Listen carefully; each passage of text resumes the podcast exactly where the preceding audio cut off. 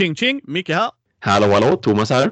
Då är det ju Mindys News avsnitt 3 som eh, jag och Thomas kommer spela in nu. Uh, disclaimer, både Thomas och jag är förkylda. Mm, tyvärr. Tyvärr. Uh, vi spelar också in detta den 26 september 2019. Så när ni hör detta så är det ju den 27 förhoppningsvis. Men ha det lite i åtanke när vi pratar om Kickstarter så. För er som inte vet vem Thomas är så är han ju en hederscrew-member till Mindy.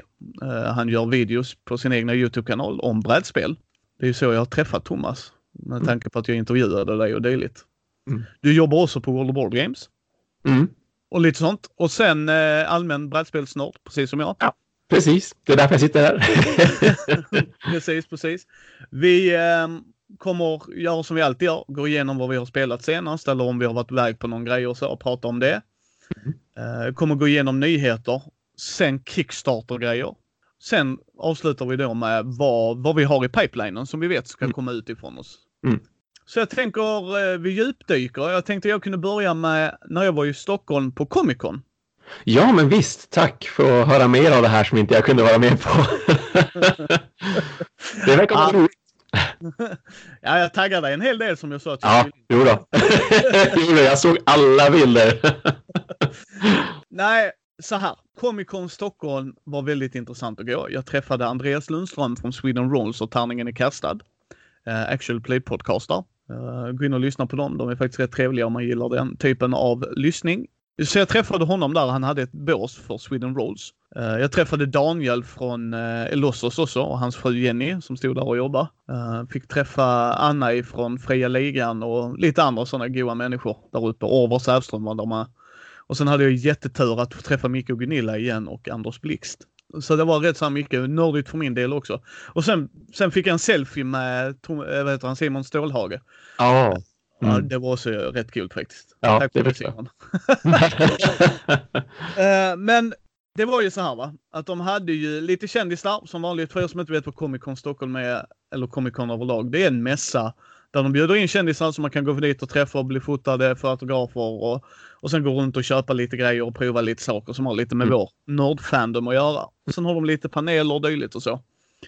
Eh, så jag var ju där. Andreas hade en liveshow som jag såg som var jätterolig.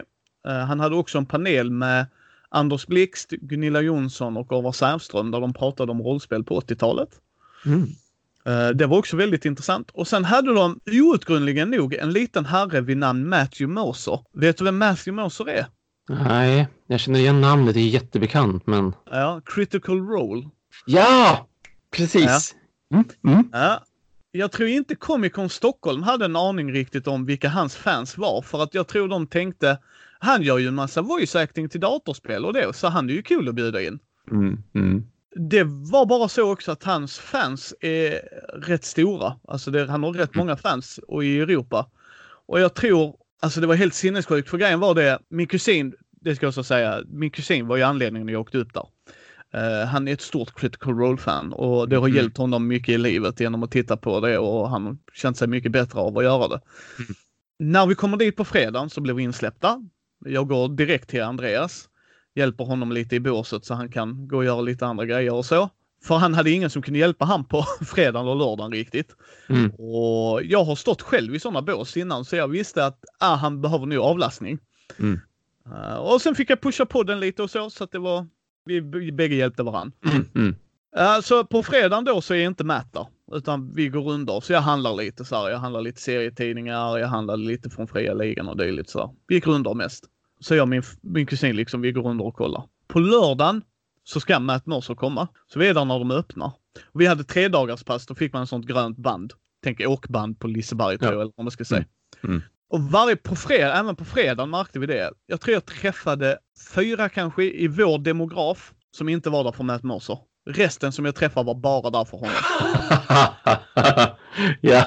Ja, så vi ska ta bort föräldrar du vet som är med barnen och gör en Mm, utflykt. mm. Ta, ta bort dem ur ekvationen. Så Mm. jag skulle gissa väl på att 70% var där för honom, 80 kanske. Nu killgissar jag. Jag har inga officiella siffror. Mm. Eh, på lördagen när vi kommer in så går min kusin och ställer sig i kö direkt, mer eller mindre. Mm. Han är fullt medveten om han ska ha en autograf från Matt Mercer så han går och ska få det. Mm. Jag tror han fick köa i tre timmar. Åh jäklar! Åh gud! Ja. Första gången. Ah.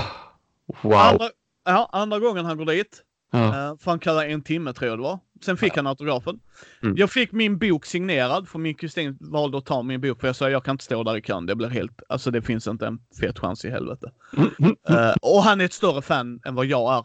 Mm. Jag, jag har ju sagt så här, jag tittar inte på Critical Roles, men jag älskar det de har gjort för, för hobbyn. Det är Mm. jättebra det de har gjort för hobbyn. Mer spelare in och han har engagerat och han eh, verkar vara supertrevlig så all heder till det.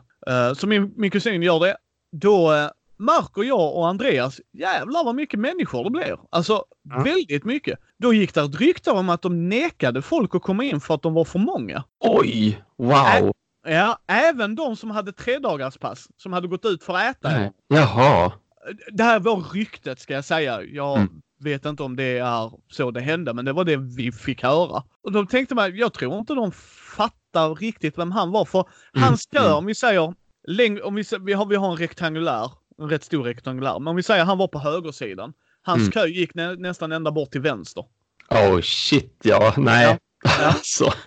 Eh, och, och jag tror inte, tror inte att de var beredda på det alls. Utan säger, jag tror de tänkte, han gör ju voice acting till du vet, så tv-spel och det. Ja, Mm. ja, ja. Och, men hans största fanskara är inte det. Nej, verkligen inte. Shit. Eh. Ja. Ja, och, och då gick det rykten om att folk som bara kom dit där på lördagen för att träffa honom. Mm. De fick inte träffa honom. Aj, vad tråkigt i så fall. Ja, alltså de, de eh, tappar bollen här som Ja. Och det, och det roliga är, han är jättestor inom rollspel. Mm. Och sen har de då en panel med Gunilla Jonsson som Mm. har gjort Mm. otroligt mycket för rollspel-Sverige också. Anders Blixt har Mm. också gjort otroligt mycket för rollspel-Sverige.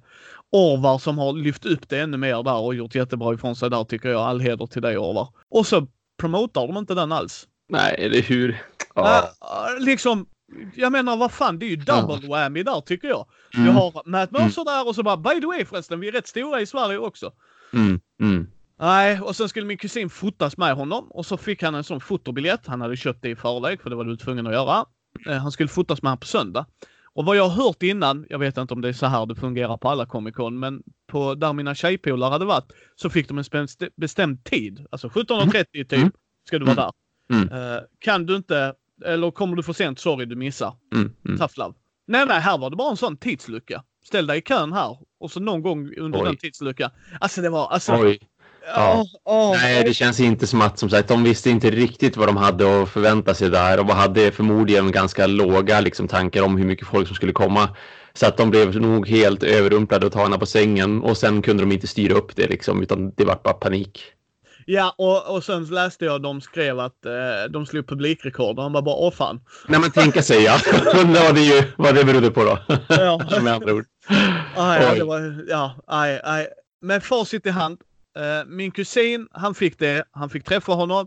Mm. Fick grejer signerade. Han var på en Q&A och de blev ju smockfulla så snabbt liksom. Ja. Alla de grejerna fick han göra. Och jag fick träffa Micke och Gunilla, Anders, Orvar, Anna, Andreas fick jag träffa. Och sen så hade vi världens tjoflöjt där för då kom Moa och Malin från Avesta som eh, har ett Avesta-kon. Eh, Mm. där ett av de konventen som är kommunfundade eller vad man kan säga. De jobbar i kommunen där Mm. och har startat ett sånt litet nordkonvent där. Vi delade det på vårt Facebookflöde om ni vill gå in där och kolla datumen. Det är ju samtidigt som Essen, men det är ju inte alla som åker till Essen. Nej, men visst, visst. Mm. Men det var jätteroligt att träffa dem också. Och de, de, var, de visste inte vem Matt Mercer var. Så att, Se där, ja, nej men då så. ja, det finns folk som gör det. och jag tyckte det här var jätteroligt. Eh, vi var på panelen. Jag, jag gick eh, till panelen då och kollade när Gunilla, eh, Anders och Andreas och de och Orvar pratade. Mm. Sen går vi tillbaks och då har hennes man Mikael, eh, som också är stor inom rollspel-Sverige, Mm. stått och hållit i hans bås. Och eh, Andreas hade lite fria ligan-produkter, MUTANT år 0. Grejen är det, för er som inte vet det, Mikael och Gunilla gjorde första MUTANT. Mm. Det är det andra rollspelet i Sverige som gjordes. Det har de gjort. En kille kommer fram och så tittar han på MUTANT år 0. Oh, är det det gamla MUTANT jag spelade när jag var liten? Så svarar killen som gjorde det gamla MUTANT att han spelade när han var liten. Nej, nej, nej. Och han säger inte vem han är, ingenting. Så Nej, Micke, nej. Är lite ödmjuk. Liksom han bara, "Ja, nej, nej, det är det inte. Och det är lite så här, så här, det vill inspirera. Jag kommer inte ihåg exakt vad han sa. Sen gick Ja. Micke och Gunilla för att de spelar rollspel varje lördag och har ett äventyr som de har skrivit som de ska gå igenom här nu till Mm. Call of Cthulhu Sverige. Så sa jag det till han när Micke hade gått. By the way, det var han som gjorde ditt barndomsspel. Och han bara, va? Vad? ah, vad roligt!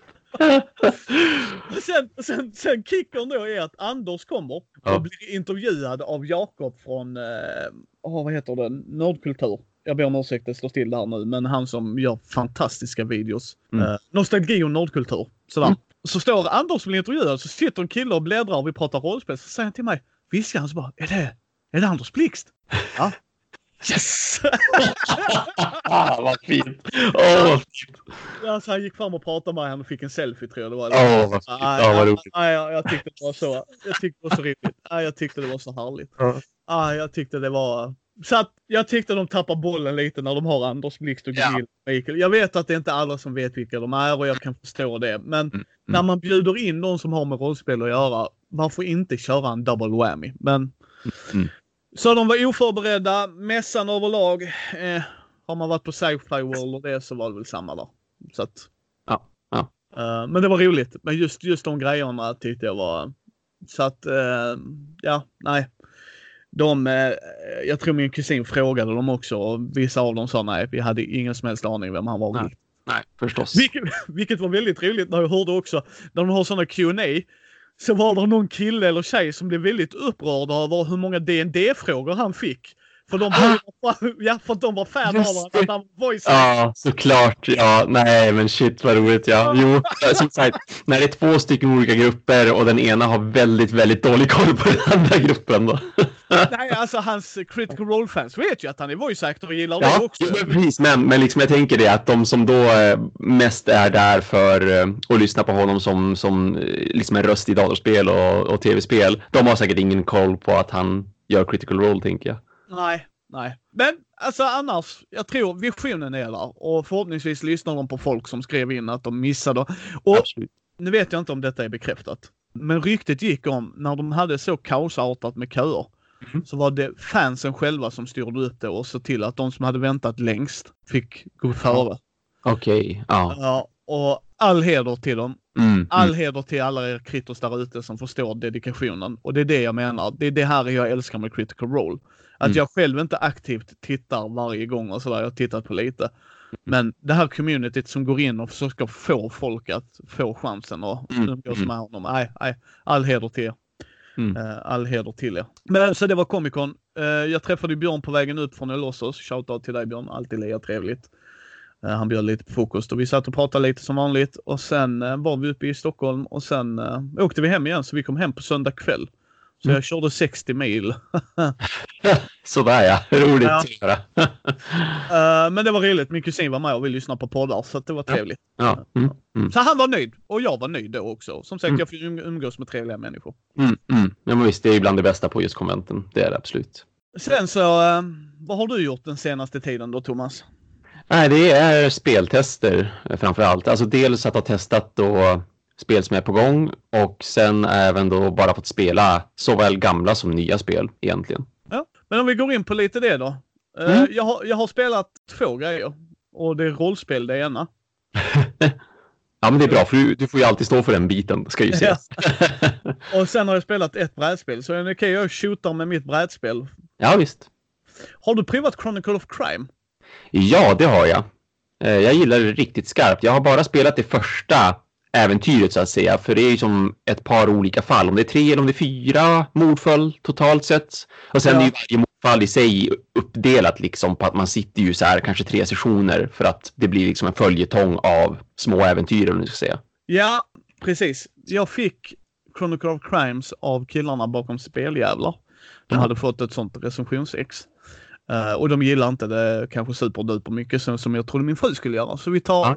jag tog med det och så köpte jag expansionen av er Noir. Mm, just det.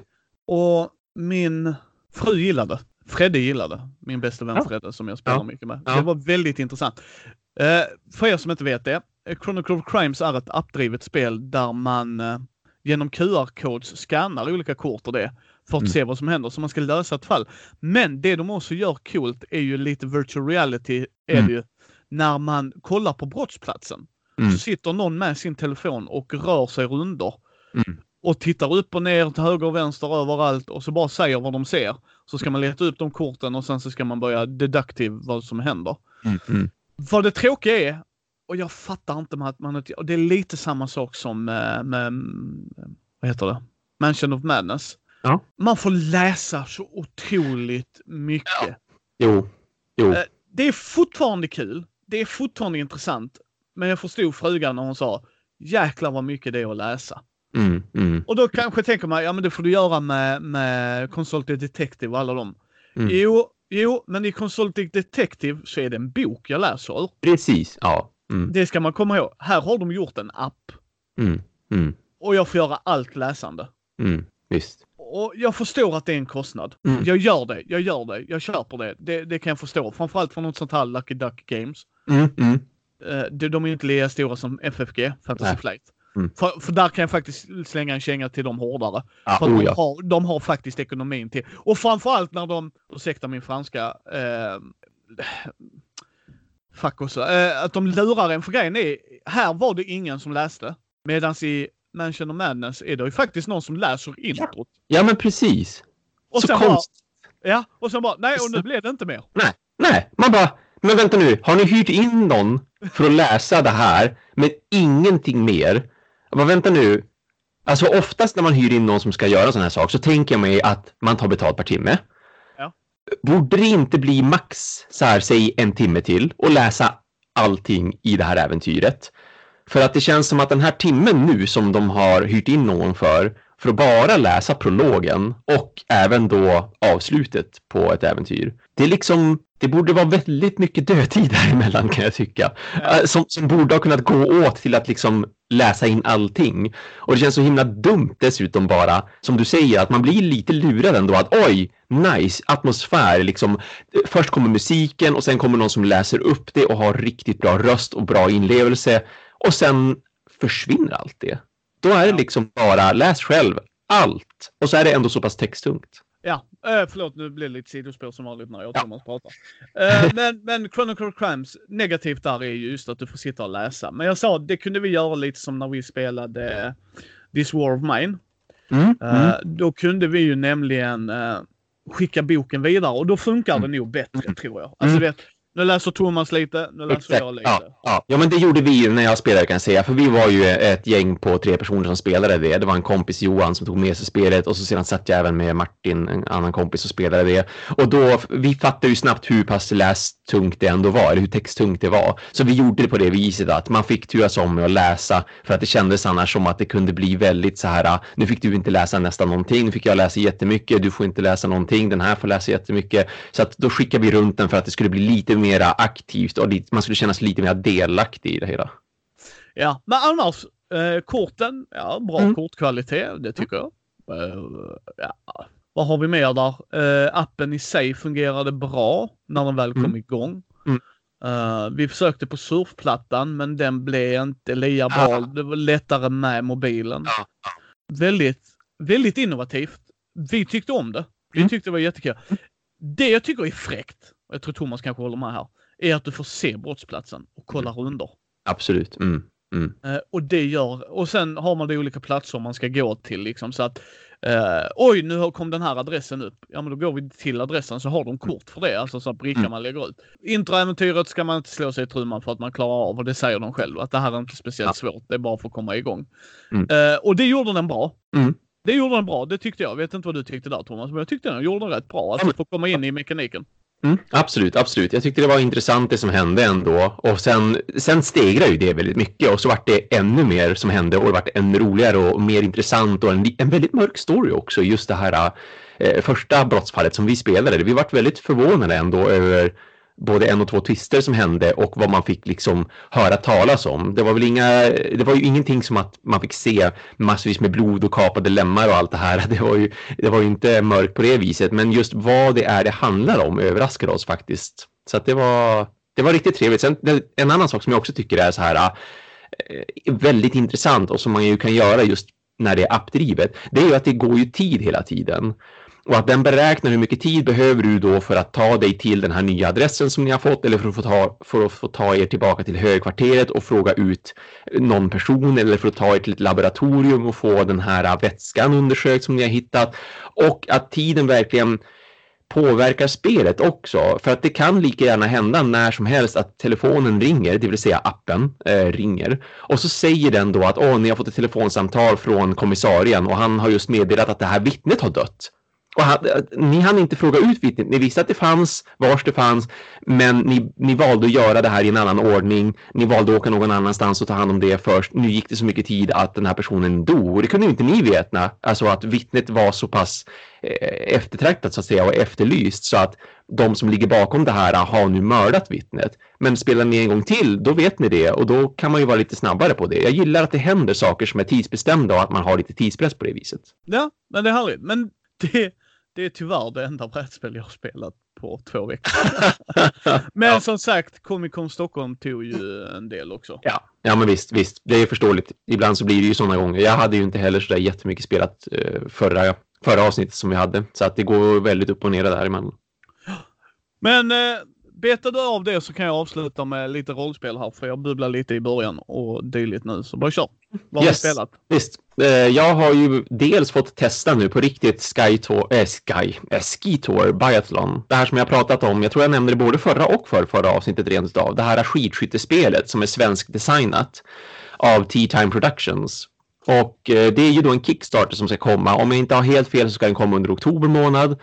Och jag har ju fått en, en väldigt, väldigt färdig prototyp skickad till mig. Så att nu har vi suttit och spelat i fyra personer. Och jag fick ju spela det här förra året också när det var en riktigt tidig prototyp. När det inte ens fanns någon typ av illustrationer utan det fanns liksom bara spelmekanik. Och det är fortfarande väldigt trevligt. Det är ett, ett tärningsdrivet ehm, eh, racingspel. Där man då ska försöka få sin skidåkare förstås från startlinjen till mållinjen. Man bygger upp en spelplan med spelbrickor som visar till exempel nedförsbackar, uppförsbackar och i och med att det är skidskytte, skyttestationer. Så man måste klara av ett visst antal skidskyttestationer. Eh, det gäller att pricka rätt så mycket som möjligt. Man har fem stycken måltavlor vid varje sån station. Det är tärningar även där som avgör om man träffar eller missar och om du får för många missar eller rättare sagt beroende på hur många missar du får så behöver du göra straffrundor i så fall på ett specifikt ställe vid den här stationen så att man tappar lite tid helt enkelt och eh, lite plats liksom i på den här spelbanan. Det gäller ju liksom att vara så snabbt som möjligt. Man vill ju vara den som kommer först över mållinjen för det är ju då spelet är slut. Det är då någon har vunnit. eh, och det är, det är väldigt, väldigt intressant spelmekanik tycker jag. Alltså Eh, en av de som jag spelade med nu också, Martin, han gillar absolut inte tärningsspel, eh, tycker att det är för mycket slump och anser sig själv ha väldigt mycket dålig tur också. Han har väldigt mycket otur med tärningar så att han är en sån där som kan verkligen hata på tärningar. Men han tyckte också att det ändå var väldigt intressant och roligt för det det funkar som det är att du har en spelplan framför dig, alltså en eget, en egen spelarark som representerar din skidåkare. Och på ditt ark så har du dels uthållighet som man mäter. Eh, ju mer uthållighet du har, desto bättre är du på att skjuta i prick framför allt. Det är mest det det handlar om. Visst, om du tappar all din uthållighet, om du blir helt utmattad, då faller du ner på skidspåret. Då är det game over. Då kommer du inte i mål. Men det är det framför allt du ska använda det till, det är dels lite grann att komma före de andra, att liksom staka dig fram snabbare i skidspåret, men också att ju tröttare du är desto sämre odds har du att träffa de här måltavlorna vid de här skidskyttestationerna eller vid de här skjutstationerna. Så vad man gör är att man slår tärningar. Tärningarna kommer att visa då 1 till 6, det är vanliga sexsidiga tärningar. 1 till 4 av de här tärningarna, de placerar man då på sitt spelarark i kolumner som är markerade 1, 2, 3 och 4. Så alla ettor hamnar i en kolumn, alla tvåor hamnar i en kolumn och så vidare. Ehm, du vill försöka få så många tärningar i en och samma kolumn som möjligt, för när det blir din tur, då väljer du en kolumn. Jag tar alla mina treor till exempel. Jag hade tre stycken treor. Då får jag gå tre steg. Det du kan göra det är att du kan tappa uthållighet och som sagt det mäter man då på sitt spelarark och du har si så mycket er uthållighetspoäng så att säga som du kan göra det av med under ett lopp. Om du vill kan du välja då att tappa uthållighet för att få ta en till kolumn och en till kolumn och så vidare. Så många kolumner som du vill och tycker att du har råd att spendera uthållighet till. Så jag tar mina treor, de är tre stycken. Jag hade även turen att ha tre stycken ettor säger vi. Ja men då så jag spenderar en till uthållighet och så får jag då ta sex tärningar så totalt sett och få gå sex steg med min eh, med min eh, skidåkare. Och det är samma sak med, med skjutandet. När du kommer in i en sån här skyttestation Funkar precis samma sak. Du väljer en av dina kolumner. Jag hade två stycken tvåor. Åh, gud vad dåligt verkligen. Ah, ja, men det är det enda jag har att, att använda mig av just nu. Så jag tar mina två tvåor. Jag får skjuta två skott. Man måste skjuta fem skott totalt vid varje skyttestation. Och sen kollar man då hur många träffar fick jag, hur många missar fick jag. Ju fler missar jag har, desto fler straffrundor behöver jag göra, desto mer tid tar det då för mig att ta mig i mål. Så det är lite resurshantering där med uthålligheten eh, och sen då att eh, man kan även, som i ganska många racingspel överlag, göra som kallad drafting. Alltså att du liksom, du rycker fram med de andra spelarna. Det är inte din tur, det är Mickes tur säger vi. Micke spenderar eh, lite uthållighet och sådär, går sju steg. Men min skidspelare, min skidåkare var precis bakom Micke när han började gå. Så då får jag välja, vill jag använda uthållighet för att hålla efter Micke och gå lika långt som han har gått? Ja eller nej? Är det värt den här uthålligheten? Beroende på var han hamnar någonstans, beroende på hur mycket uthållighet jag har kvar och sådär. Så att för att man ska kunna hålla någorlunda jämna steg, för det är ju lite, lite catch-up mekaniken då, så kan jag även när det inte är min tur få göra någonting. Jag kan fortfarande åka skidor med min skidåkare genom att då helt enkelt dränera min skidåkare på liksom, uthållighet och, och göra honom mer utmattad. Men då finns det såklart även metoder för att eh, spendera specialtärningar så att man kan spurta eller sprinta. Och om du sprintar, då kan ingen följa efter dig för att du ska då försöka kunna ta ett försprång. Eh, jag ska faktiskt träffa dem på eh, Norrköpings brädspelscafé uh, nu på lördag imorgon när ni har ja, detta på fredag. Men vi kommer det till lite senare så att jag ska prova det här. Det låter... Mm. Jag är taggad. Jag är taggad. Ja, ja det, det ska det vara. Det var, det var fyra tummar upp från oss alla när vi satt och spelade det. det. Regelmässigt så finns det några saker vi skulle vilja justera. Eh, regelboken var ganska otydlig på flera ställen. Det var lite felsyftningar och sånt där. Men regelmässigt är ingenting brutet. Tvärtom, det funkar väldigt bra. Det är överraskande roligt. Det är överraskande strategiskt också. Så att vi gillade det verkligen. Men det finns några saker som jag tycker att det här och det här skulle man kunna be behöva förtydliga. Den här och den här specialmarkören borde funka på det här viset istället. Och de här små, små, små sakerna skulle man kanske vilja göra om bara för att det ska bli mer balanserat och sådär. Men som sagt, ingenting som verkligen inte bara väldigt, väldigt enkelt kan repareras egentligen. Jag tycker att de har ett riktigt solitt spel här så det ska bli kul att se hur kickstarten går. Ja, härligt. Vad har du spelat med? Som sagt, jag har bara ett spelat. ja, jag bränner det vidare. Jag har ju pratat om Space Corp tidigare i den här podden. Eh, både i nyhetspodden och när vi pratade om solitärspel, vad jag gillar att spela. Eh, Space Corp som när jag senast pratade om det, det är ju ett, ett uh, rymdutforskarspel. Man spelar helt enkelt mänskligheten. Året är 2025, man ska ta sig ut i rymden och man ska utforska den. När jag nämnde det här första gången i just våra nyhetspodd, vilket jag tror var för, förra avsnittet rent utav, då hade jag spelat två stycken partier solitärt då. Man kan spela upp till fyra spelare, men jag hade bara spelat det solitärt än så länge. Och nu har jag spelat ett till parti bara för att jag håller på att bestämma mig huruvida jag vill köpa det här spelet och fortsätta spela det både solitärt och med andra spelare eller om jag ska bara fortsätta spela det digitalt som jag gör just nu då. Och eh, det slog mig liksom att jag, jag må ha nämnt spelet för två avsnitt sedan men jag sa liksom inte vad det var för någonting egentligen. Jag beskrev det inte. Jag sa bara, ja men det här är ett spel från GMT och GMT gör ju kickspel och herregud och ack och ve, massa sidor att läsa. Och det var, typ, det var typ allt jag sa. Och att jag gillade spelet, men att jag skulle spela mer av det. Så för att ge en väldigt, väldigt, väldigt kort inblick i vad Space Corp är, eller Space Corp 2025-2300 AD som det egentligen heter. Det utspelas under tre stycken faser. Det här är en av sakerna som jag verkligen gillar med spelet. Eller tre stycken eror kallar de det nog rent utav för. Och det är att det passerar lite tid mellan varje era. Det är därför det heter 2025-2300 AD, därför att det går ungefär 300 års tid, alltså totalt sett under tiden som man spelar det här spelet. Och mänskligheten gör vissa framsteg som gör att vi kan ta oss längre ut i rymden och så småningom även då träffa liksom utomjordiska saker, varelser, få utomjordisk kontakt. För, för det mesta tycker jag att det håller det ganska ändå realistiskt och så här ganska sunt liksom tema det är inte allt för sci-fi, men det blir mer och mer sci-fi i och med att det ska ju ändå passera 300 år. Det måste hända lite grejer liksom. Men det jag dels gillar som sagt, det är att man spelar det här spelet i tre eror. Du kan om du vill bara spela en era. Sen är det slut, färdigt, räkna poäng, spelet är klart. Det har gått en och en halv timme, kanske två timmar. Du kan om du vill spela det som en kampanj. från era 1 till era 2 till era 3. Det som händer i ettan påverkar tvåan, påverkar trean och liksom ju bättre ifrån det du gör i en era, desto bättre kommer det gå för dig i nästa era. Du får vissa förmåner från det, liksom. du bygger upp dig. Men man kan också då bara se, se du vill spela två eror. Ja, men visst, börja på era två om ni vill det och spela era två och era tre. Det är liksom helt upp till dig och dina spelare. Hur mycket tid har ni? hur, mycket vill ni spela? Så man kan liksom avsluta det efter en era och bara, ja men vi fick så här mycket poäng, det var kul att spela, det tog typ kanske en och en halv till två timmar. Ehm, spelmekaniskt så gillar jag det också, för det man gör det är att det är ett kortdrivet spel. Alla spelare har ett spelarark och det är ditt högkvarter. Du kan göra fem olika handlingar.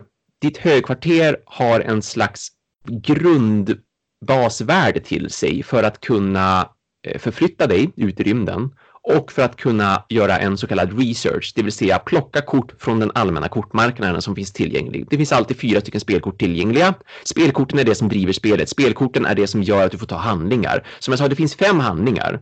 Men för att ta en handling och få göra den effektiv behöver du spela kort från din hand.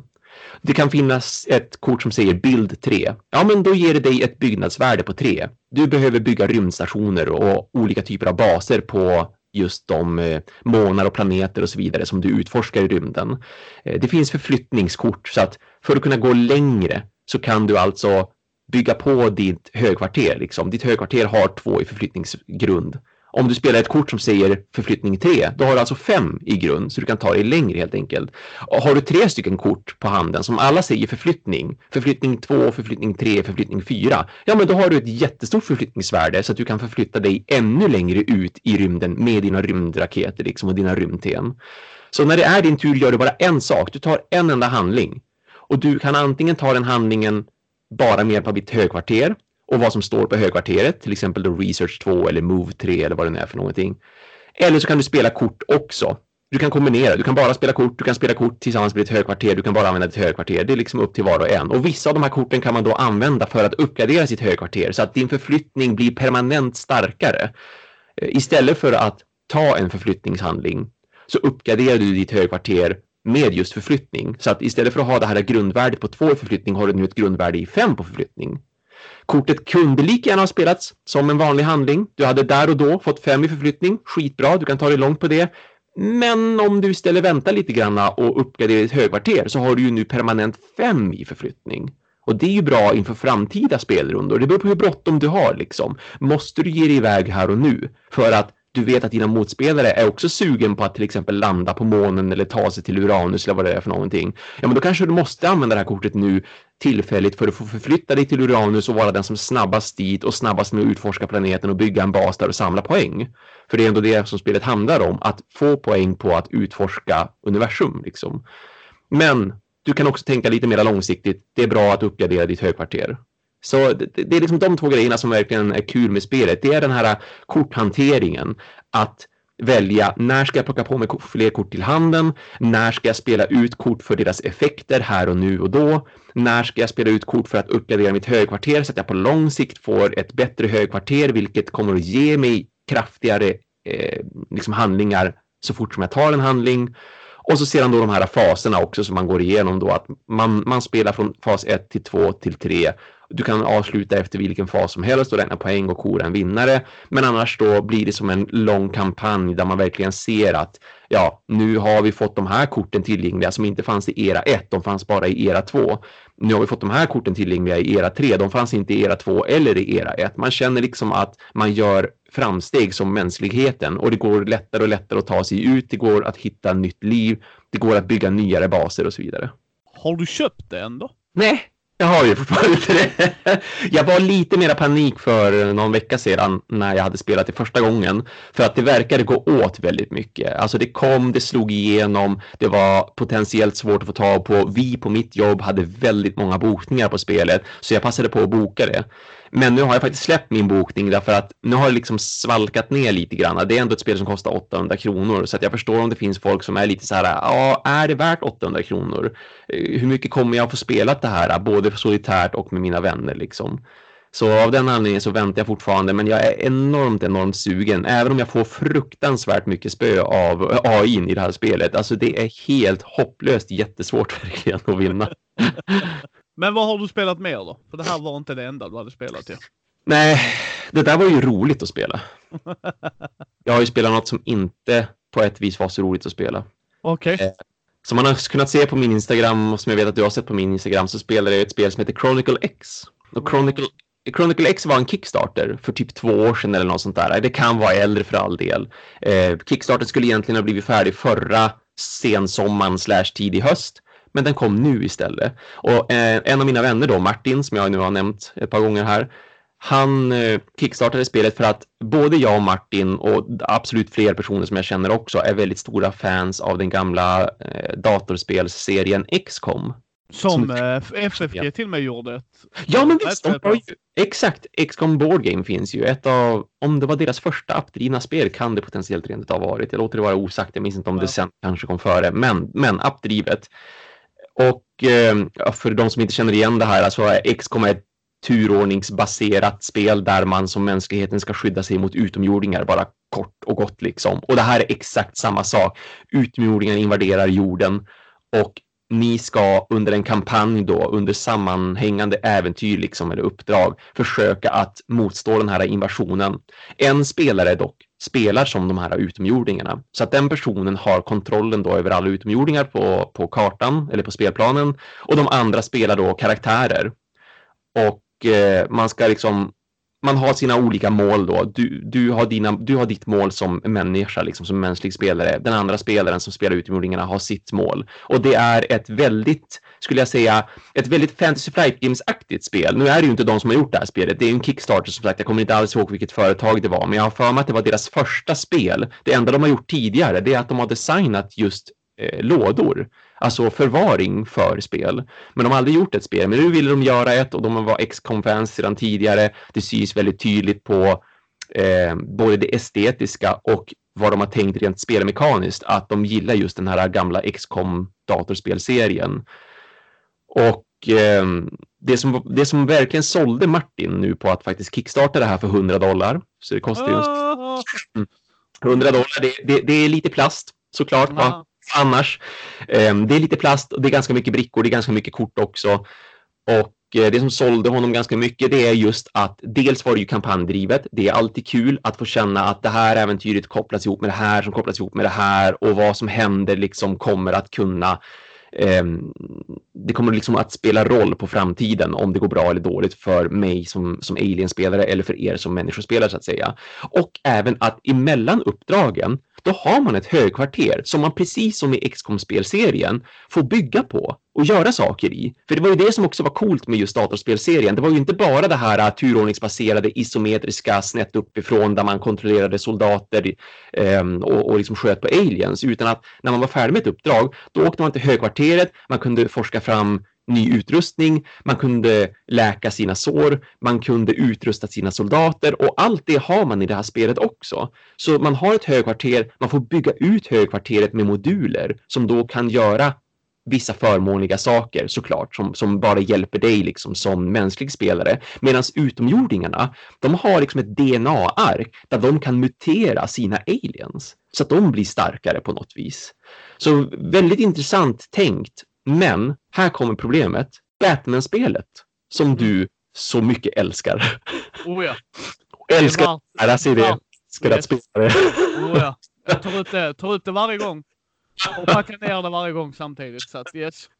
Ja, folk som har lyssnat på, på dig sedan tidigare och den här podden vet ju liksom att det där Batman-spelet inom citationstecken som också var en Kickstarter. Mm. Alltså, jag har ju sett jag har, ju, jag har ju hört dig dels prata om det och dels har jag ju sett Shut Up and Sit Downs videorecension om det. Och folk är ju ganska eniga om att det är ju fruktansvärt dåligt skrivna regler och, och spelmekaniskt byter det lite här och där. Ja, ja, ja, ja, ja. Och det är samma här. Samma här. Så att stackars, stackars, stackars Martin. Han satt då sex timmar på en torsdag och försökte fatta vad nej, menar. Nej, alltså, nej, förlåt mig. Förlåt. Nu kommer, nu kommer Mickes rant. Jag, jag, kan ta pissiga komponenter. Jag kan ta mm. halvknasiga mekaniker. Jag kan ta alla de grejerna på ett helt annat sätt än vad jag kan i en pissig jävla dålig regelbok. Och det kan nog Thomas skriva under också. Ja. För absolut att mekaniken inte faller mig i tycke, att det är för Mm. mycket slump, alla de grejerna. Absolut. Det, det, det är en smaksak. Men jag tror ingen av oss nördar där ute älskar en regelbok som är så dåligt skrivet. Det ska inte ta sex timmar att läsa en regelbok. Det kan, det kan ta absolut sex timmar att förstå hur komplext spelet är. Ja. ja. Det kan jag köpa. Eller att det är så mycket regler i Advanced Squad Leader att du behöver läsa i sex timmar. Fine, då är det sex timmars text. Det är inte sex timmar där du går igenom första meningen igen. Vad menar han där? Vad menar Ja. han där? Vad menar han där? Vad är detta? Vad är detta? Ja. Åh, aj, aj, Ja, var aj. står det här någonstans? Inte här. Okej, inte här. Okej, men här då? Nej, där under. Ja, men det var ju fullkomligt ologiskt. Okej, bra. Då har jag lärt mig det. Alltså- nej, förlåt mig. Nej, det är... Skärpning! Skärpning! Ja, verkligen skärpt. Och hur svårt ska det vara liksom? Alltså, det räcker med att en enda... Det hade räckt med att Martin hade läst reglerna så hade han kunnat påpeka det här för dem. Det räcker med att man som utvecklare släpper reglerna innan man trycker skräpet och bara kolla det här gott folk. Förstår ni vad vi menar? Eller behöver vi liksom justera någonting och behöver vi vara tydligare? Och då kan man skriva om och så kan man göra rätt och så slipper man ha som nu 30 sidor med regler. 30, fattar ni? Där, här är anledningen till varför det är 30 sidor. På ett och samma stycke så upprepades exakt samma grej tre gånger som hade med förflyttning att göra. Först skrev de det, så här funkar det. Sen skrev de det igen, så här funkar det. Och så skrev de det ännu längst ner i det stycket. Samma grej upprepades tre gånger. Men det är inte det värsta, utan just förflyttning på tal om det står på sex olika platser i den här regelboken hur det funkar. Och det är alltså, du måste fatta alla de grejerna. Jag ser mycket räcka upp långfinger i videokameran nu. Så, så här skriver man inte en regelbok. Man ska inte måste hoppa till sex olika kapitel i en regelbok för att fatta hur en enda handling funkar. Alltså, nu ska jag bara säga så här. Det är Vlad Chvatal som har gjort ehm, Nej, Bland annat. Ja. ja, eh, Through the Ages. ja, precis där också. Det är ju samma där. Han har ju också Ja. ett problem med det. Ja, men, han, men grejen, grejen är det han gör. Det, och det här ska man också särskilja. Eh, han vill ju också slå i huvudet med hans egen regelbok av en helt annan anledning. Ja. Jag förstår reglerna. Det är inte problemet där i alla fall. Nej, men visst. Vad jag inte tolererar är att han gör det med humor just i vilket typ av spel han väljer att göra. Men Ja. han gör ju ändå förståelig regelbok. Det är inte Ja. så att när jag bläddrar i, eller läser boken att jag inte förstår reglerna. Det är bara det att han inte heller gör en sån här förflyttning stycke A. Nej. Eh, resurshantering stycke B. Okej, men Ja. då kan vi gå in där och kolla lite så här. Nej, nej, det gör han inte. Men han har fortfarande läsliga regler från början. Alltså, det är liksom, förstår du vad jag menar? Det är liksom, jag Ja, förstår hur jag ska göra. Problemet är bara att jag inte kan referera till det när jag behövde kolla upp det. precis. Precis. För de måste Ah, på sju olika ställen och även om det finns ett index i många fall så står inte allting i indexet heller. Liksom, det man tycker borde finnas där listat, det finns inte listat, men det är ju uppenbarligen ett keyword, så det borde finnas listat. Dessutom, som, som den riktiga grädden på moset, eller senapen och ketchupen i pannkakan, så de har alltså skickat med komponenter och även haft kvar text i reglerna som inte längre funkar. För det är omgjort under utvecklingsprocessen. Så till exempel står det på jättemånga kort spendera bullets. Det finns inga bullets. De har haft bullets. De har haft ammunition en gång i tiden. De har plockat bort ammunition, men det finns fortfarande kvar på kort som de har valt att skicka med som du inte ska använda. det, är, det är dubbla långfingrar och dubbel facepalm på den. Åh! Så det, det är ju jätteförvirrande öppna ett spel och få komponenter du inte ska använda. Nu är det så va, att Thomas har inte spelat Dinosaur Island med, med betoning än, för han kommer antingen komma ner här i oktober eller så ska vi se till så att du får spela det på ett annat sätt. Eh, där hade de gjort en miss med hur de refererar till gubbarna i påsarna. Så, så de har sagt typ så här, eh, alla huliganer är gula. Mm, mm. Men de är inte gula för det är huvudgrejen. Men de har själva lagt ut en disclaimer. Alltså så att Ja. det blir en färgmix. Ja. Det är okej. Shit happens. Mhm, mhm. Det är lite så här irriterande när man satt och bläddrade första gången och sådär. Men sen kommer man in i det och så gick man ut och tittade och de bara, nej de har disclaimat det så här, lugnt. Det här, det här är bara ett kukeri, ursäkta franskan. Det här är bara ett kukeri. Det är Det här är bara riktigt jävla rövhatteri. Jag menar vad fan trollar du mig? Ja, eller hur? Det är ju det de gör verkligen. Och så kostar skiten, förlåt! Ja, Ja. jag säger skiten, 100 Ja, dollar! dollar. Alltså, ja, det är så sorgligt för det finns ett bra spel där. Alltså spelmekaniskt. Martin hade ju nu som sagt suttit själv i sex timmar och försökt fatta spelet. Skrivit egna regler för att och gissa sig fram dessutom till hur vissa saker funkar för det är så otydligt. Communityn har tillsammans gått ihop på Board Game Geek och skrivit att det måste ju vara så här de menar här. Det måste vara så här de menar här. Det här nämns ju aldrig, men vi antar att det funkar på det här viset för det vore det mest logiska för vi är alla gamers liksom och så vidare. Så han hade, han hade ju sammanfattat alltihopa och gjort det på egen hand så vi skulle kunna komma igång snabbare och, och faktiskt förstå spelet det var kul att spela, alltså spelmekaniskt flöt ju på. Det var intressant med hur uppgraderingen av högkvarteren funkade, hur man levlade sina karaktärer, hur man hittade grejer på spelplanen, hur det funkade vid strid och så vidare. Det var ganska nice liksom. Det är bara just synd att under, alltså man måste ju gräva sig igenom ett lager av just bajs för att komma till den här kärnan. Så att alla väntar ju nu på att okej, okay, när ska ni skriva om regelboken? Och, och när ska ni skicka ut dessutom Eh, spelkomponenter som funkar. För det som är extra synd också, bra idé, dåligt genomfört, det är att varje, varje karaktär har ett spelarark med kugghjul på sig. Och kugghjulen, de, de finns där som en mekanik för att när du tar skada med din karaktär, då sänker du ditt liv, som man ju brukar göra när det handlar om liksom den här typen av karaktärsdrivna spel. Du sänker ditt liv med ett såklart, och då kommer de här kugghjulen att visa vad händer med din andra statistik. Vissa karaktärer blir lite sämre på att gå, vissa karaktärer blir sämre på att sikta och så vidare. Så kugghjulen ska tillsammans medverka för att då du sänker ditt liv med ett och då kanske du blir långsammare. Det beror på vad kugghjulen liksom rullar fram och visar för siffror. Men de här kugghjulen, de, de funkar inte liksom alltid. Utan de överlappar varandra och de råkar rulla fel och det rullar inte alls för det tar stopp och så är någonting på väg att gå sönder för det bryts för det är för dålig papp. Så att de ska skicka ut nya sådana har de faktiskt sagt. Eh, och, och, tack och lov för det liksom. Men, men fortfarande, om jag hade spelat där för två år sedan när Kickstarten kom på ett ungefär, som sagt, jag vet inte exakt när det var. Men om jag hade spelat där för två år sedan, då hade både jag och spelgruppen som jag nu sagt med, inklusive Martin som ändå betalade 100 dollar för det här, sagt att nice, det här har potential, bra prototyp, det kan bli ett spel av det här. Men just nu är det exakt det Martin har betalat 100 dollar för. En prototyp. Mycket mer än ett färdigt spel. Äh, så det är sorgligt. Det är det. Vad har du spelat mer då? Ja, som tur är så har jag ju avslutat veckan på ett fantastiskt bra sätt. Eller allt mitt spelande på ett fantastiskt bra sätt. För jag har ju även fått spela Twilight Imperium igen.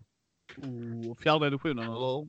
Jajamän, fjärde editionen med eh, två stycken spelare som är nya i gamet. Eh, ganska nya till sällskapsspel överlag. De testar liksom lite allt möjligt. De har spelat typ Pandemic, de har spelat Great Western Trail, eh, de har spelat eh, lite snabbare, enklare spel, typ något exit-spel tror jag de har lirat och sådär. De, de, de testar sig fram och så här, är de intresserade av ett tema, då är de absolut villiga att lära sig regler också. Så att jag bjöd in dem till Twilight Imperium första gången för typ två, tre månader sedan. Eh, det var vi fyra stycken som spelade, jag och en kompis som är en del av min stora Twilight Imperium-grupp, Kenny som han heter. Och så då de här två, Charlie och Amanda, som då är nya liksom.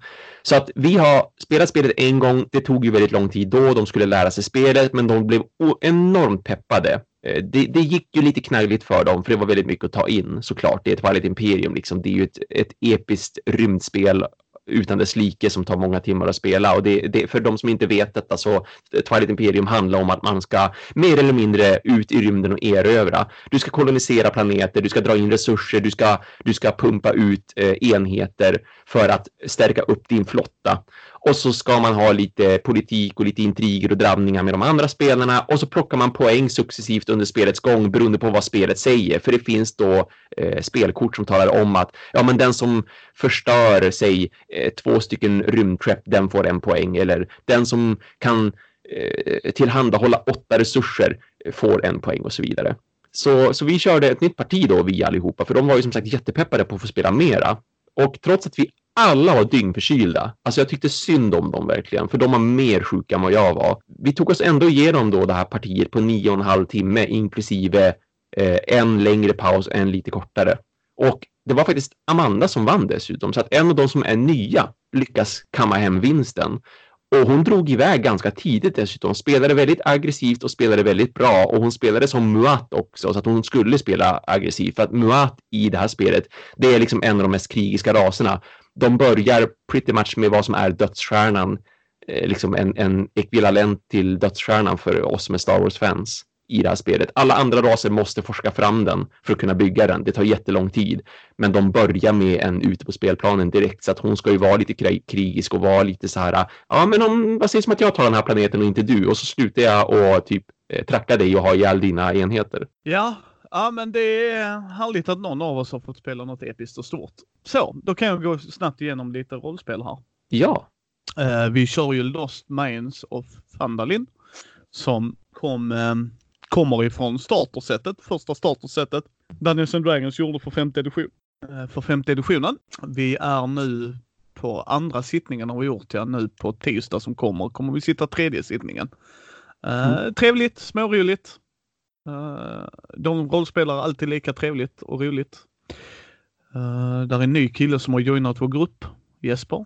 Jesper säger vi att han heter. Berit Gudner att han heter. uh, jag är väldigt trött idag efter utbildning och så. Men uh, nej, men det är skoj. Det är skoj. Och sen så har jag varit i Ängelholm och spelat med det gänget där och det har varit jättetrevligt. Tanken är ju att vi på varannan tisdagsgruppen ska prova olika rollspelssystem. Så efter DND så ska vi nog gå på Rogue Trader som en annan ska spelleda så jag får lite andningsutrymme. Uh, och sen är tanken att vi ska gå vidare och jag funderar faktiskt på MUTANT år 0. Mm, mm. Uh, eftersom jag har börjat läsa lite mer om det. Det ska komma en videorecension. Uh, sen när vi var på Comic Con så fick vi faktiskt spela lite rollspel. En timme där med Andreas Lundström som spelledare i Svärdets sång från Fria Ligan. Och min kusin, som alltid, han gör sina uh, moves. så han försökte förhandla med en miniatör. Oj! han dog. Okej. Uh, nej, han klarar väl sig. Han, han höll på att dö om vi säger så. Det var, ja, ja. ja, men där lärde han sig en läxa i alla fall. Det var kanske nej, inte det bästa idag. Nej, nej okej. Det, det, är gulligt av dig att du trodde min kusin skulle en läxa. uh, och, och, Andreas var inte beredd på det heller, vilket är alltid amazeballs när man spelar med min kusin. Och folk som inte har spelat med han bara shit, han är ju impulsiv. Japp. men, men ja, Nej, men det är det vi spelar just nu. Så att det är lite rollspel. Så jag har fått spela rollspel i alla fall. Det är alltid mm. kul. Mm. Ja, visst. Men uh, without further ado, ska vi gå på lite nyheter, Thomas? Det tycker jag. Det har ju hänt några saker där ute ändå. Det gör det ju alltid. Det är det som är så trevligt. Det, det står som aldrig stilla, varken i brädspelsvärlden eller skulle jag väl säga rollspelsvärlden heller. Nej, uh, och som vanligt, kära lyssnare, så går vi igenom nyheter först och sen Kickstarter-nyheter. För jag tycker det kan fortfarande vara intressant. Jag, jag tjutar lite här nu. Helmgast, det är de som har gjort eh, Hjältarnas tid.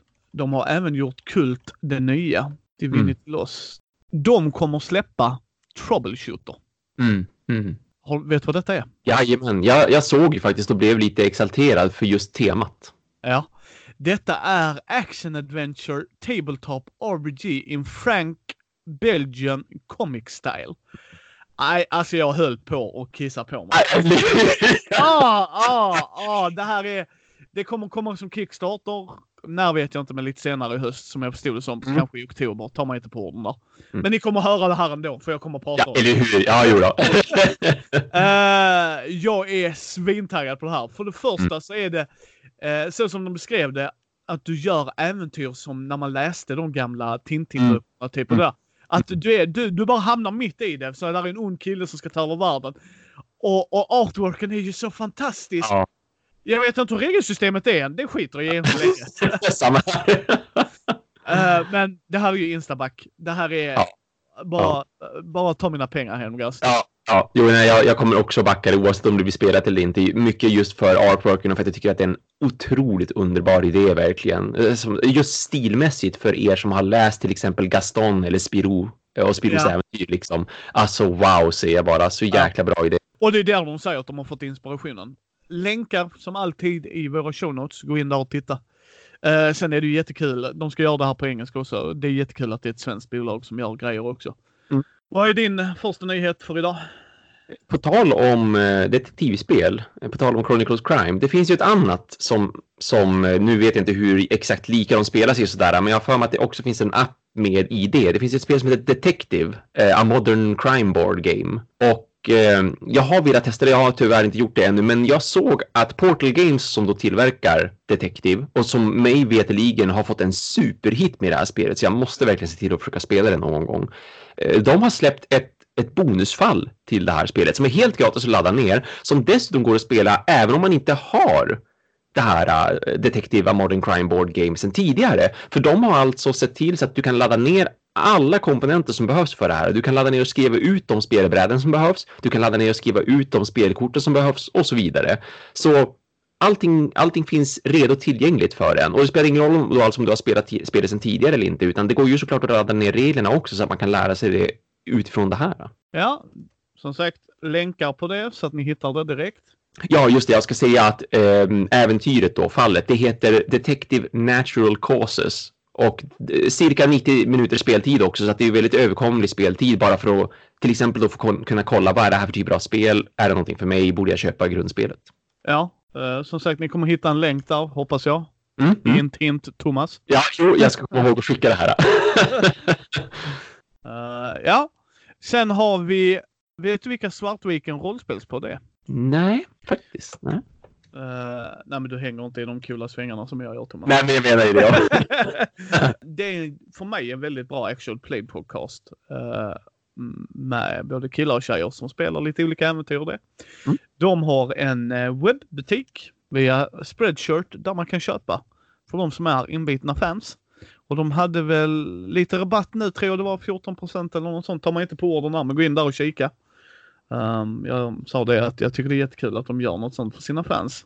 Uh, så ta en titt där. Som sagt, länken är i show notesen. Kolla där, gå in, uh, supporta dem. De gör ett jättebra jobb, tycker jag, om ni gillar dem. Och de har också lite med Lindorm Dice. Uh, ah, samarbete med dem.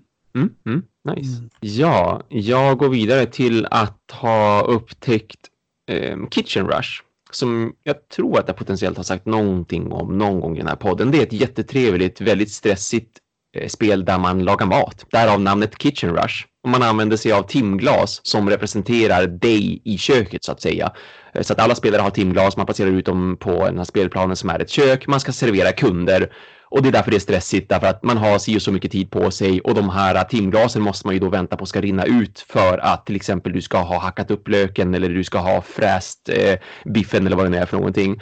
Eh, det släpptes 2017 och då var det Stronghold Games som hade det. Nu har tydligen Pegasus Spiele tagit över det istället och de ska inte bara släppa det under sitt eget namn då, utan de ska till och med göra om spelet lite grann. Dels så ska de göra om artworken, så för er som har tittat på Kitchen Rush sedan tidigare och tänkt att det där ser riktigt mysigt ut, jag gillar det här cartoony, ja, då kan ni behöva skynda er med att köpa den utgåvan.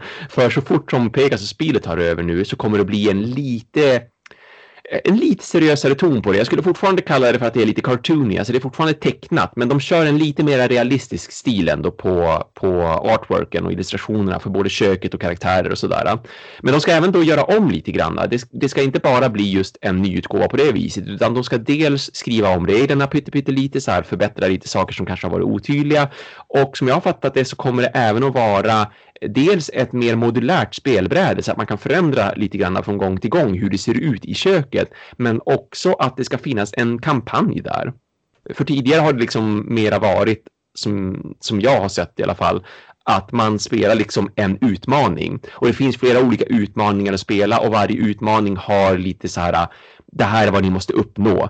Eh, ni måste ha tillagat så här mycket, liksom, ni måste ha tjänat så här mycket pengar. Och, och man kan ha lite lite saker emot sig så att säga om man vill ha ett handikapp, att man vill att det ska bli lite svårare att spela.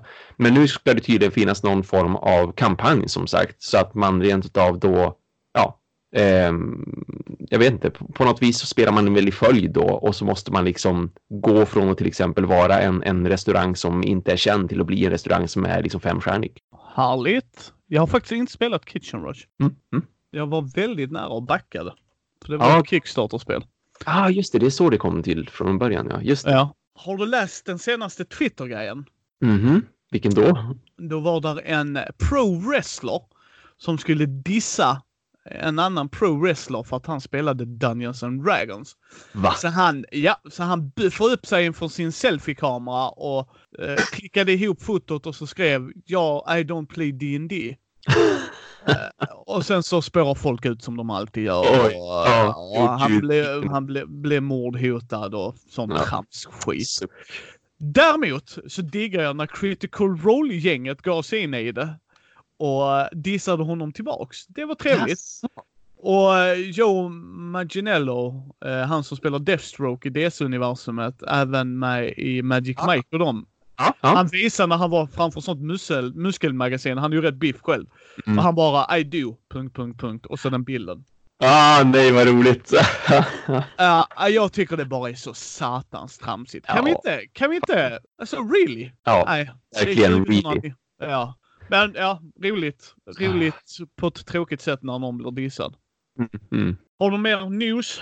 Eh, ja, någonting för Gloomhaven-fans. Hör och häpna, men så, så tidigt och sent som idag nu när vi spelar in så har, som det verkar, Isaac, eh, som ju har gjort det här Gloomhaven-spelet då, utannonserat dels ett nytt spin-off-spel och även en ny stor expansion. För det var ju bara alldeles, alldeles nyss egentligen, alltså nu de senaste månaderna, som Forgotten Circles släpptes. Så For- Forgotten Circles är ju liksom en ganska stor expansion till då grundspelet Gloomhaven. Och, och för de som inte av någon konstig anledning har hört Gloomhaven sedan tidigare så är ju det mer eller mindre en, en um, rollspelsäventyr fast som ett brädspel och som är kortdrivet. Fantastiskt bra spel. Och de, då, han har gjort Forgotten Circles, han gjorde ju den expansionen så att man skulle kunna fortsätta spela om man nu har tagit sig igenom de typ 100-150 timmarna som kampanjen i grundspelet eh, ändå är fyllt av. Men det är bara en tease just nu då att eh, jag har inte ens sett något namn på vad liksom expansionen eh, heter för någonting. Men eh, att det ska i alla fall då komma dels ytterligare en stor expansion, vilket jag själv inte trodde. Jag trodde att han skulle börja designa Gloomhaven 2 eller någonting sånt där. Men också som sagt att han har teasat om att han då ska göra ytterligare något slags spin-off-spel.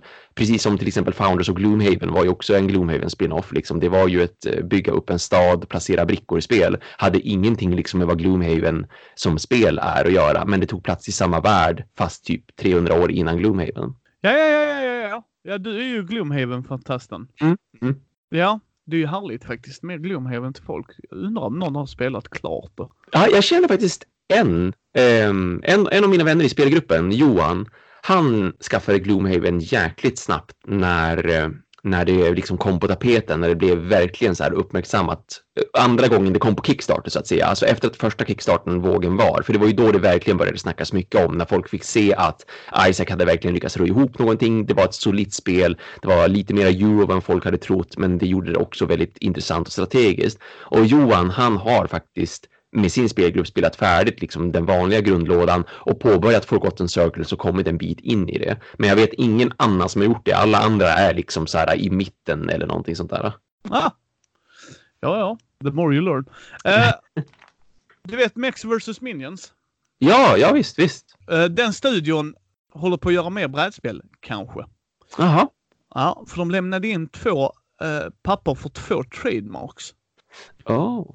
Eh, första trademarken var Riot Tabletop. Mm. Eh, refererar till specifikt brädspel, utrustning eh, som är såld för enhet för brädspel. Liksom. Alltså att det, det verkar vara som att de har gjort en studio för att kunna göra mer brädspel om jag förstod texten. Alltså att det Okej. inte är åt att de, nu ska vi göra brädspel på den här sidan. Ja. Det var första grejen. Andra grejen var att de ska hålla i tävlingar, utställningar och turneringar för brädspel och tabletop-spel överlag. Om jag Jaha. fattar detta rätt. Ja. Eh, eh, samt att tillhandahålla information, board games, tabletop games and video games. Eh, 15 oktober kommer de fira 10 år som företag. Mm, mm. Och då skulle man få se en glimt in i deras framtid. Så det här ska bli spännande att se. För Ja. Mech vs Minions har jag inte spelat själv, men det har ju fått rätt mycket Mm. Mm. beröm. Eller hur? Väldigt mycket bra. Ja, det skulle vara väldigt intressant att spela. Jag känner en och två som faktiskt har fått eh, den stora chansen att spela det. Och ja, de var också väldigt positivt överraskade och tyckte att ja, men det här är ett solitt bra spel. Så det ska bli kul att höra vad mer de kan komma med. Ja, men eh, det var den där. Har du fler nyheter eller ska jag tuffa på? Nej, det är nog så att vi får tuffa på nu. Jag har ingenting nytt att komma med eh, från Fantasy Flight Games heller. Ingenting speciellt sådär. Så att den här gången passar jag på Star Wars-nyheter som jag annars brukar komma med. Ja, ja, ja. Dinosaur Island-killarna, som, eh, vad heter det, Pandasaurus Games va? Ja. Mm. Eh, de gör ett arbetarplacera spel i rymden. Det är ett alternativ 1960-tal med ryssar och lite sådana grejer. Ja. Eh, ryssarna hittade ett wormhole som har tagit dem till en planet som man ska ta resurser ifrån. Mm. Varje arbetare har ett speciellt fält de är duktiga i. Så att det är liksom ett arbetarplacerarspel med en twist.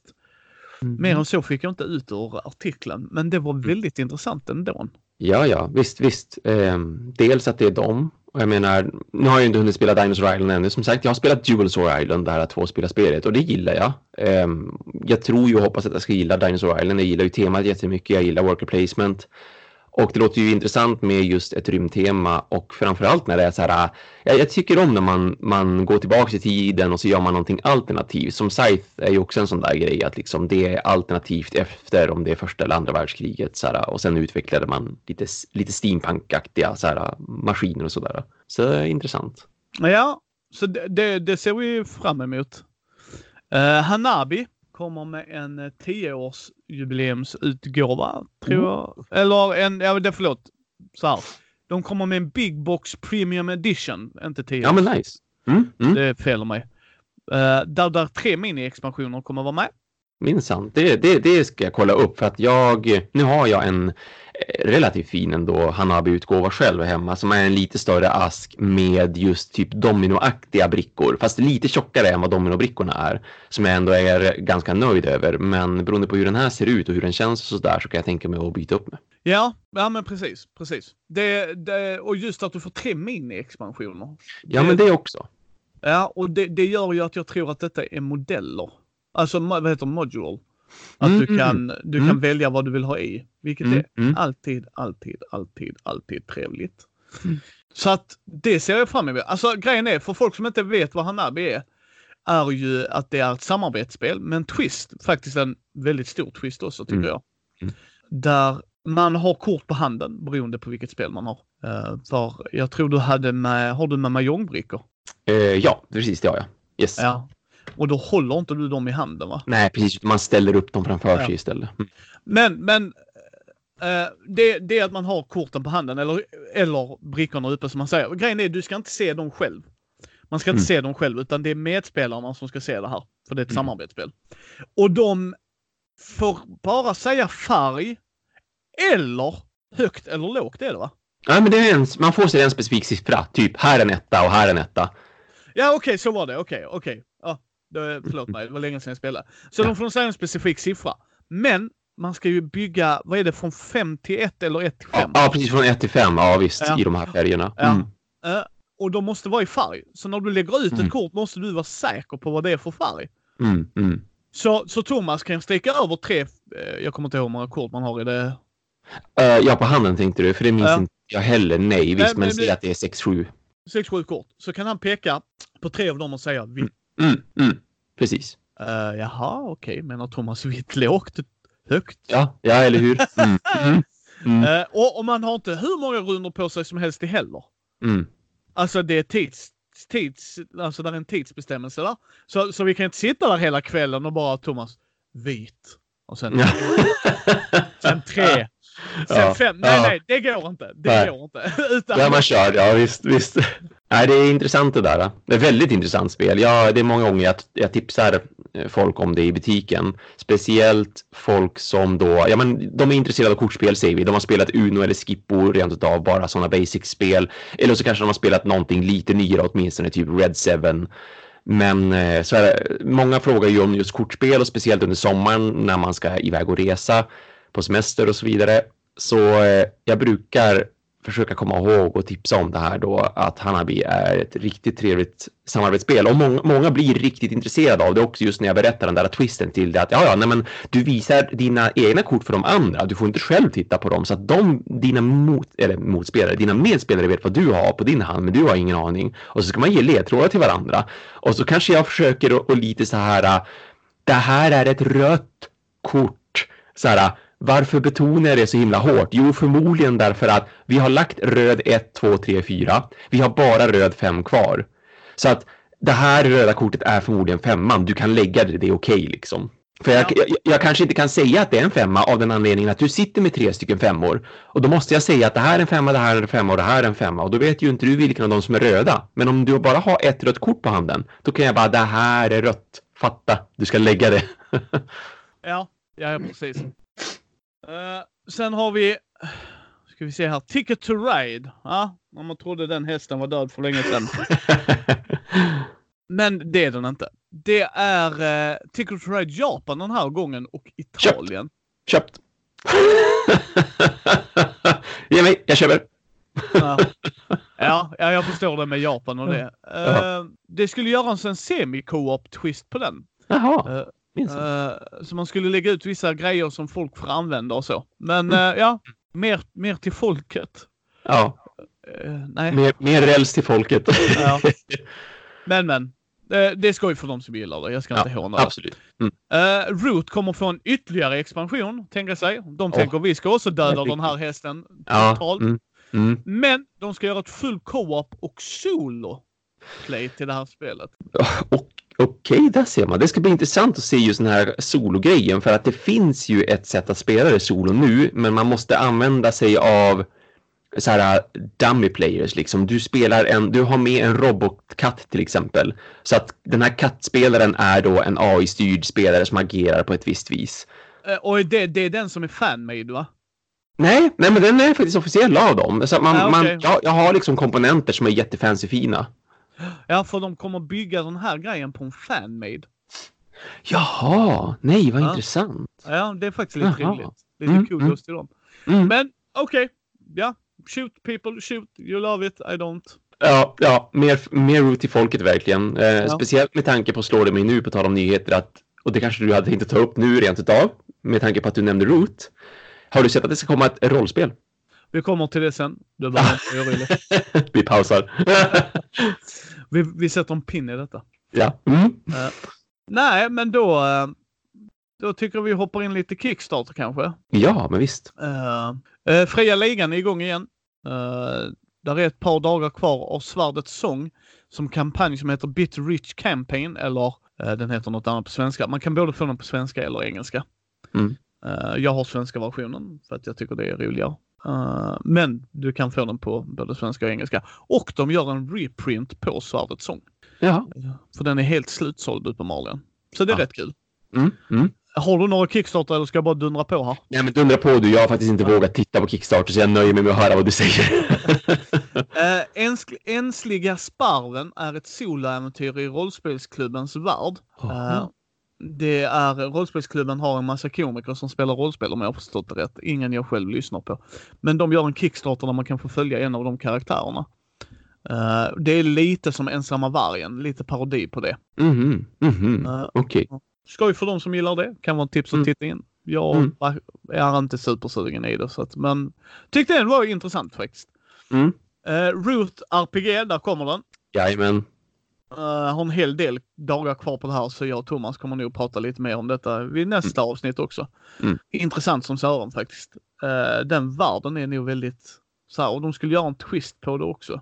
Ja, alltså det, det är en sak tycker jag, här är jag lite skeptisk får jag ju erkänna. Jag är glad att den ligger så långt bort i tiden som ett helt år, för det var ju typ nästa oktober eller september eller något sånt där. Alltså nästa höst ska de släppa det. Jag tycker det är jättekul att det kommer expansioner till grundspelet. Jag, jag tycker väldigt mycket om grundspelet. Jag tycker om expansionen som jag har nu också. Och jag tycker att det är otroligt mysigt och allt det här. Eh, kul att det går bra för dem, men alltså det är en jäkla skillnad på att göra ett mysigt och fint tema till ett brädspel och att göra ett tema till ett rollspel. För nu snackar vi alltså att de måste bygga en på riktigt bra levande värld för att det ska bli ett bra rollspel av det. Så att jag hoppas ju att de vet vad de gör och att jag, jag hoppas att de har mycket material att liksom ta ifrån, från sin fantasi liksom, att de verkligen kan göra det här till någonting intressant. För att annars är jag lite orolig för att det kommer att falla lite platt på att det inte är så intressant tematiskt som ett rollspel som det är som ett brädspel. För det är så mycket enklare. Ja, det håller jag med dig. Och det är det. Men, men jag har satt en pin på det, så att en reminder för att jag tycker Mm. det här ser intressant ut. Mm. Eh, för det kan bli nog ett smågulligt litet spel. Ja, jag hoppas det. Ja, jag hoppas det också. Uh, för detta kanske sparar andra att göra det på sina universum. Uh, Mm. Fantasy Flight, när får jag mitt Twilight Imperium-rollspel? Eller hur? Varför kommer det inte tillbaka? Skärp er! uh, nej, de sa de skulle göra det till deras sånt uh, system. Men det har inte släppts. Oh, nej, långsamt. Ja, ja, på. Skäms. Uh, och sen avslutar vi med Everdell. Har du mm. spelat Everdell? Nej, men nu, nu, ser jag att det är ju på väg ut i butiker och borde komma när som helst faktiskt. Så att jag har ju, jag har ju chanser. Jag var jättesugen på att backa det. Det såg ju fantastiskt ut liksom. Eh, men det var lite för mycket pengar kände jag där och då. Alltså jag, har, jag har dragit tillbaka ganska mycket på just Kickstarter. Jag känner att jag kan inte bara spendera så mycket som jag vill spendera och speciellt inte när jag har mina liksom, eh, planer på att åka till Japan nästa år och vara borta ett halvår och plugga där. Det gäller, att, det gäller att hålla igen plånboken lite för just spelen. Ja, och jag har valt att sikta in det på svenskproducerade grejer faktiskt. Mm. Eh, och vissa stora grejer. Men Everdell är ett tablåbyggarspel som jag får sätta och arbetarplacerarspel. Ja. Ja, precis. Uh, bygger din tablå och sätter ut gubbar där och så. Men de kommer med två expansioner till det. Lite Jaha. mer unika kort, uh, gubbar som gör olika grejer. Mm. Mer kartbrickor och sånt, unika väderkort med mera. Sen mm. den andra skulle ha mer critter types, ingen aning vad det är tyvärr. Men fem sex spelare som Thomas vet att jag älskar ja. att man till. ja, nej, men det gläder mig jättemycket. Jag, jag, jättekul att det går bra för dem. Jag har sett jättemycket bra om spelet. Jag tycker det fortfarande att det ser fantastiskt ut. Jag skulle vilja spela det. Eh, potentiellt att det blir en investering i framtiden och sådär. Och då känns det ju bra att veta dessutom att det finns expansioner att se fram emot. Ja. Eh, om man kunde köpa grundspelet där i och sådana grejer. Ja, förstås ja. Cool Mini or Not har väl gjort så att du kunde köpa ljuden till de olika spelen. Och sen kunde du gå in och backa för att få alla exklusiva grejer till varenda en av de grejerna. Hej. Oj, okej. Okay. Blood Rage. Ja. Sen när du ser prislappen. Ja. Jag tror det var 649 dollar för alla de tre eller något sånt. Ja, men... Alltså det här är, det här är så lökigt. Ursäkta mig, det här gör mig förbannad. Ja, jo. Snacka om att foma folk. Mm. Ja, du missade alla våra Kickstarter Exclusive. Ge mig 2 500 av dina pengar så ska du få allting till Blood Rage. Ja. Eller inte. Eller inte. Ja, eller, eller inte. inte. Nej, alltså de gör, jag tycker de gör allting fel när det kommer till hur, hur de använder Kickstarter. Ja, ja, alltså jag, jag har slutat backa dem. Jag är ja. väldigt besviken på Simon. De gör mm. samma grej som de alltid har gjort innan. Det här är bara löjligt. Mm. Jättekul för er som vill ha plasten. Jag säger det till er. Gå in och kolla där. De, bara sök på det, det kommer upp. Jag ska inte ens länka detta tyvärr. Det här är den enda länken jag inte kommer länka till. Uh, för det här irriterar mig något in i helskotta. För det första, Kickstarter Exclusive-grejen kommer jag och Thomas prata om senare i ett annat avsnitt. Det var hon inte var orolig över. Det är inte det, den biten stör jag mig inte på. Det jag stör mig på är att de säger att det är Kickstarter Exclusive. Fick folk att backa satan. Mm. Mm. Nu släpper de det igen. Mm. Och, och inte i ett nytt spel utan nu gör vi audiomusik till det här. Aliens ja, musik. Visst. Ja. Mm. Mm. Ja, sure. Ja, lite fult. ja, ja, jag tycker det. Jag tycker det. Men okej. Nu avslutar vi det här avsnittet med vad vi har i pipelinen. Thomas, ja. kör du först där. Mm. Mm. Um, jag nämnde ju Ski Tour Biathlon och som sagt de har ju sin Kickstarter då som vad jag vet ska komma i oktober så att ni kommer ju då kunna se en video där när den Kickstarten går upp. Det är ju därför jag har spelat det nu och kommer min feedback och sådär så att jag ska ju göra liksom en presentation av spelet som kommer att hamna på Kickstarter-sidan och säga liksom vad jag tycker om det och nu har jag ju redan spoilat lite av det där att jag tycker att det är ett bra spel men jag kommer att komma med lite mera utlägg i videon och då även visa upp hur spelet funkar och sådär så att det är liksom det är den videon som jag har härnäst som jag ska bli färdig med. Men den videon som ni förmodligen kommer att få se härnäst, det är eh, det nyaste Pandemic, alltså Pandemic Rapid Response. Det är ju ett tärningsbaserat Pandemic som dessutom går på tid. Alltså du har ett timglas som hela tiden är där och, och liksom stressar er som spelare när ni ombord på ett flygplan ska leverera förnödenheter till olika städer där de behöver då till exempel vaccin eller om de behöver mat eller vad det nu är för någonting. Så att det är i Pandemic-världen, men det spelar sig helt annorlunda från Pandemic, liksom grundspelet Pandemic. Det handlar fortfarande om att man ska hjälpa mänskligheten, det handlar fortfarande om virusar och, och sjukdomar och så vidare, men tärningsdrivet, eh, stressigt, liksom går snabbt att spela och är i realtid på då det här viset med just timglaset. Så det, det blir förmodligen nästa videorecension och sen har jag även mer som är på gång efter det för att Asmodee Nordics, deras marketingavdelning var ju otroligt vänliga och gulliga nog och bara slumpskicka iväg ett paket och överraska mig. Så här, sex kilo brädspel fick jag av dem.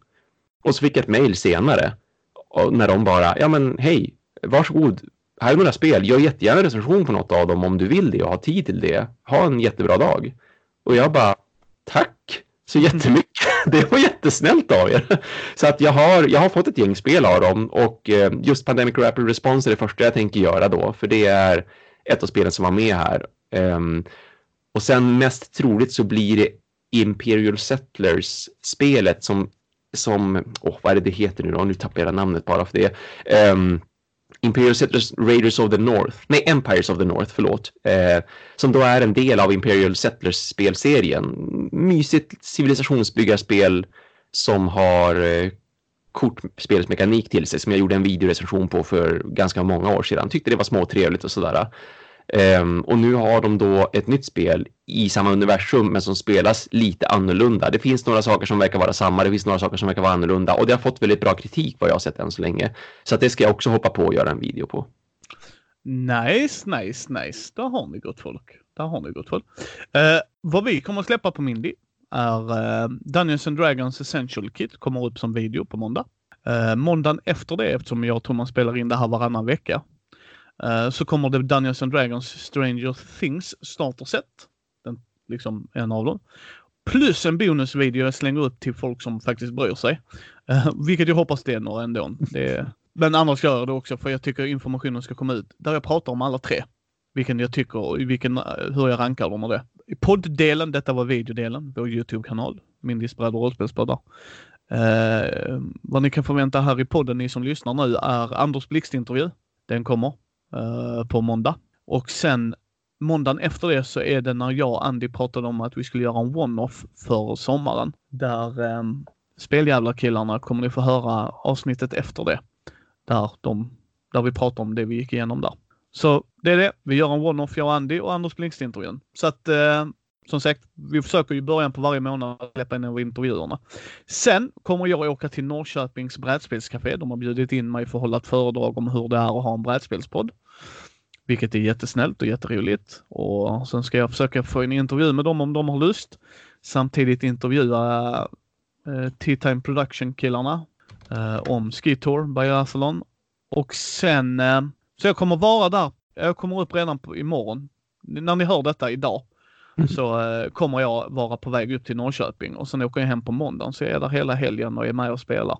Så förhoppningsvis trumfar jag Thomas nästa gång. det, fin det, finns en liten chans till det, men det finns också en risk att jag, eh, att jag trippar iväg. För jag har, jag har en hel del som jag vill spela utöver vad jag ska göra rent eh, recensionsmässigt. Men det är ju sådär, man vet aldrig hur mycket tid man har om veckorna ibland och ena veckan så kan man få noll tid fast man hade planerat hur mycket som helst och andra veckan så får man hur mycket som helst gjort trots att man inte hade några planer. Så vi, vi får se, det blir verkligen ett race. Jag, jag lovar att det kommer att bli en utmaning för dig. ja, det är härligt. Det är härligt.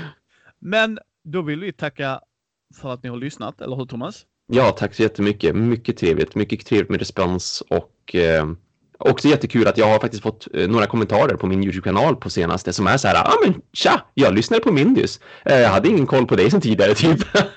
så det är jättekul, tack så mycket. Ja, ah, det tackar vi för. Uh, det är alltid som sagt, jag älskar Thomas jättemycket. Vi är så nördiga. Mm. Och uh, det är därför det är så jätteroligt att göra de här grejerna. Ni ska bara se hur mycket jag och Thomas gigglar när vi bara åh, torsdag snart dags. yep. Uh, Nej, ni hittar ju oss på mini.nu. Det är vår hemsida. Eh, mm. Där är också länkar till trevliga personer som jag hoppas Thomas är med, annars ska jag länka honom ändå. ja, det hoppas jag. uh, annars länkar vi alltid i våra show notes till Thomas. Alla mm. hans länkar om ni vill titta han på Twitter, uh, mm. Instagram, Youtube. Han är ju en HCM kommer jag, för en dag kommer du få en tröja med det också. ja. uh, Heders crewmember och Mindy. Vi är ja. väldigt glada över att Thomas vill vara med här. Uh, ni hittar ju oss på Mindys bräd och rollspelspodd på Instagram, Twitter, Facebook. Uh, har ni nyheter? Jättegärna tipsa oss om nyheter ni tycker att vi ska ta upp. Mm. Uh, då gör ni det till mig på micke.mindy.nu och på Thomas. Så är det konradargo.gmail.com. Det står också i show notesen så ni behöver inte köra av vägen för att sitta och skriva någonting. Eh, men kom ihåg, titta gärna i show notesen. Där försöker vi länka och sådär. Och så hörs vi om 14 dagar, Thomas. Jajamensan, det gör det. Mer spelande då. Ja, absolut.